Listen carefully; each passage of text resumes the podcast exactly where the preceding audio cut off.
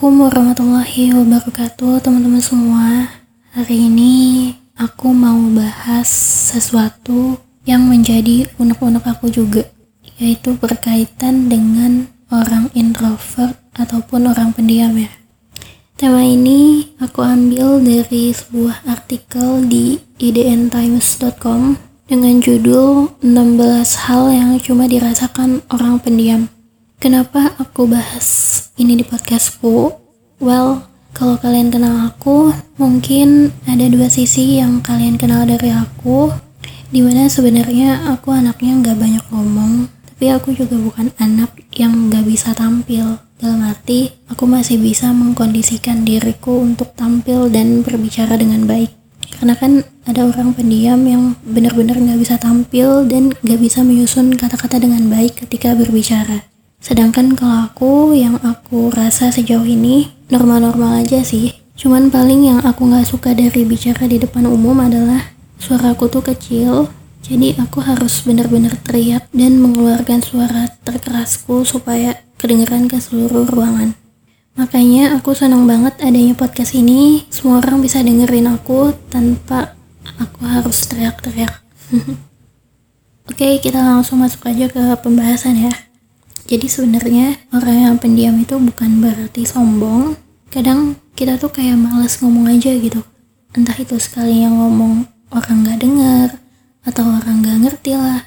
Dan yang paling bikin kita males adalah menjelaskan dan mengulang cerita. Tapi kalau aku pribadi, ini aku ya, gak tahu kalau yang lain. Aku bisa aja sih menjadi orang yang doyan ngomong kalau dengan orang-orang tertentu atau bahasa kerennya yang satu frekuensi. Dan orang-orang satu frekuensi denganku itu bukan selalu sahabat gitu ya. Kadang sama orang yang baru kenal pun kalau emang udah satu frekuensi ya bakalan nyenengin banget anaknya kayak gitu. Tapi karena orang-orang yang pendiam ini memang sering banget diem ya iyalah namanya juga pendiam. Apalagi di lingkungan yang baru.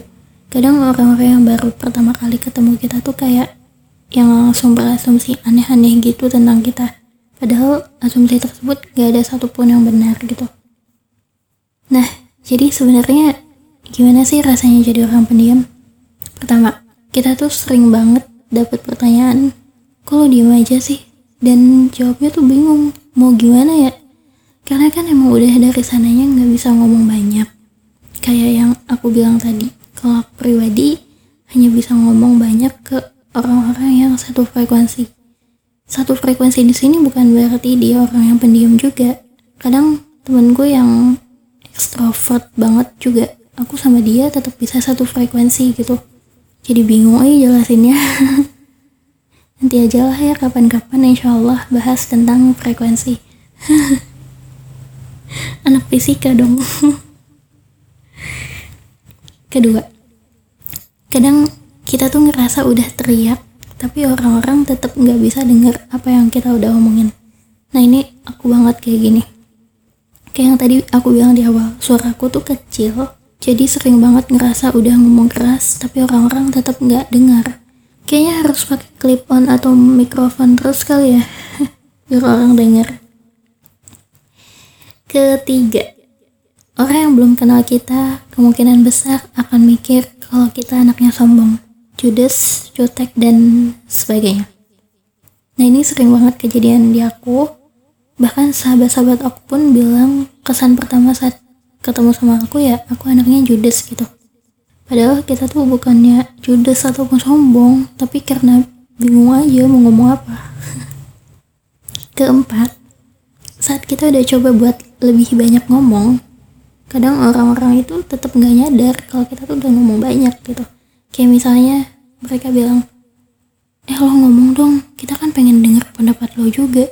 Terus uh, aku dalam hati kayak bilang lah dari tadi gue udah ngomong lo semua aja yang pada nggak nyadar. Kelima kita sering banget ditanya sama teman-teman apakah kita lagi bete atau gimana? gitu. Gara-gara ngomongnya singkat-singkat. Padahal kan kayak yang tadi aku bilang di awal kita tuh kadang males ngomong. Aku doang nih kayaknya yang doyan ngomong sampai-sampai bikin podcast. Keenam saat akhirnya teman-teman kita nyadar kalau kita udah ngomong banyak mereka tuh kayak langsung kaget dan aneh gitu. Kayak yang ih ternyata lo bisa ngomong juga ya. Apalagi kalau kita lagi berusaha mencairkan suasana. Mereka tuh kadang gak ngehargain tau gak Allah bilang eh bisa muncul gitu. Kan kesel ya digituin ke tujuh saat kita ngomongin yang di luar topik dikit aja. Mereka juga bakal kayak yang kaget banget gitu. Terus ke delapan kita sering banget dijudge atau dihakimi sama gebetan saat lirikan pertama. Kayak langsung dibilang wah kamu gak banyak ngomong ya. Padahal mah kita anaknya kalau udah nyaman bakalan banyak ngomong. Tapi gak tau juga sih ya. Udah aku mah apa tuh gak punya gebetan please banget kalian jangan bilang ini jomblo ngenes. Karena aku gak ngerasa ngenes sama sekali. Lanjut ke sembilan. Jadi pendiam itu juga artinya kita bisa tahu banyak hal yang bahkan gak disadari orang-orang.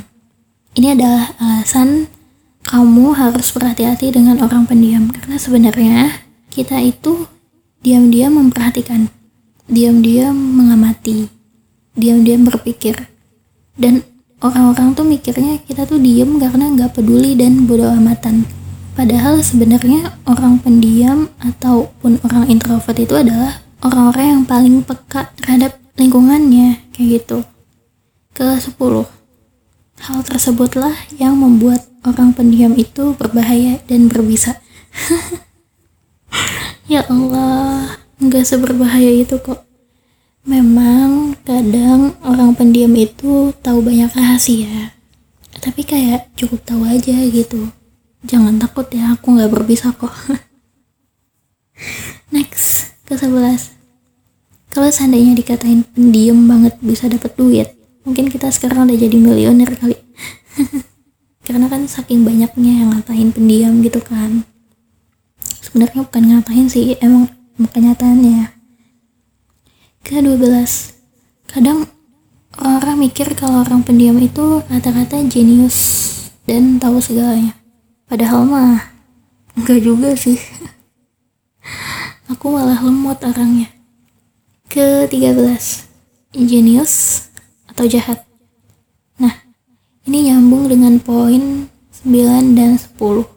Di mana orang pendiam itu sebenarnya tahu banyak hal dan rahasia kan maka dari situ kita sendiri yang akan putuskan mau menggunakan keahlian tahu banyak hal itu untuk hal jahat atau hal yang positif.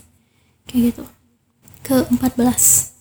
Pas di dalam kelas kita juga mengalami kesulitan buat bertanya dengan guru. Soalnya bu guru nggak bisa dengerin kita ini juga adalah salah satu hal yang menjadi alasan aku malas bertanya di kelas karena kadang guru atau dosen itu nggak dengar kalau kita udah manggil kayak gitu. Jadi males gitu. Jadi nunggu temen aja lah yang nanya ah gitu. Kalian sama gak sih? Ke 15 kita emang sedikit kesulitan dalam bersosialisasi. Tapi untuk kita semua, jangan pernah berhenti untuk selalu menjadi diri kita sendiri. Walaupun mungkin akan banyak orang yang gak suka sama kita karena terkesan sombong, judes, tapi ya biar self aja gitu. Kalau aku sih, insya Allah aku mah ramah dah orangnya. Kalau belum ngobrol mungkin kayak judes, tapi kalau udah ngobrol mah aku ramah, lemah lembut. aku pernah ya waktu SMA marah-marah sama temen sekelas. Eh diledekin. Katanya gak usah sok marah-marah lah. Gitu cina katanya sih aku gak bisa marah. Dulu itu sih. Kalau sekarang mah gak tahu juga kayaknya ngegas mulu next terakhir ke 16 pada akhirnya yang kita butuhkan itu adalah dukungan dari orang-orang yang benar-benar mengerti siapa diri kita luar dalam ini betul sekali ya. Kalau aku itu anaknya bisa bergaul dengan siapa pun, artinya aku bisa berteman dengan si A sampai si Z. Tapi aku nggak bisa melebur dan mencair ke semua orang. Kayak sekarang kalau ke kampus, di tiap sudutnya pasti ada aja ketemu sama temen. Pasti ada aja yang nyapa, entah yang sekelas atau beda kelas. Tapi ya nggak semuanya bisa menyatu dengan aku gitu. Nggak semuanya satu frekuensi. Dan pada akhirnya ya hanya hitungan jari lah orang-orang yang bisa ngertiin aku dan terima aku gitu. Oke jadi udah ya itu dia 16 hal yang hanya dirasakan oleh orang-orang pendiam. Aku baca ini di idntimes.com tapi cuma subjudulnya aja. Sisanya aku improvisasi karena kan aku juga merasakannya ya. Dan memiliki pengalaman juga terkait 16 hal tersebut. Jadi ya jadilah podcast ini dibuat seperti itu. Teman-teman menurut aku kita nggak perlu jadi orang yang fake ataupun pakai topeng hanya agar disukai orang banyak. Kita hanya perlu menjadi lebih baik dari diri kita di hari kemarin. Udah fokusnya itu aja. Harus jadi orang yang lebih baik. Bukan supaya disukai banyak orang bukan supaya diterima dan diakui. Kamu layak tapi cukup niatkan lillahi ta'ala aja. Kalaupun dengan berubahnya kita menjadi lebih baik membuat orang-orang jadi menyukai kita membuat mereka jadi menerima dan mengakui kita anggap itu adalah bonus tugas kita hanyalah menjadi lebih baik dari diri kita di hari kemarin Semoga selalu semangat memperbaiki diri. Kayaknya aku harus akhiri episode kali ini. Terima kasih banyak yang sudah mendengarkan. Mohon maaf atas segala kesalahan dan kekurangannya. Sampai jumpa lagi di pertemuan tanpa temu berikutnya. Assalamualaikum warahmatullahi wabarakatuh.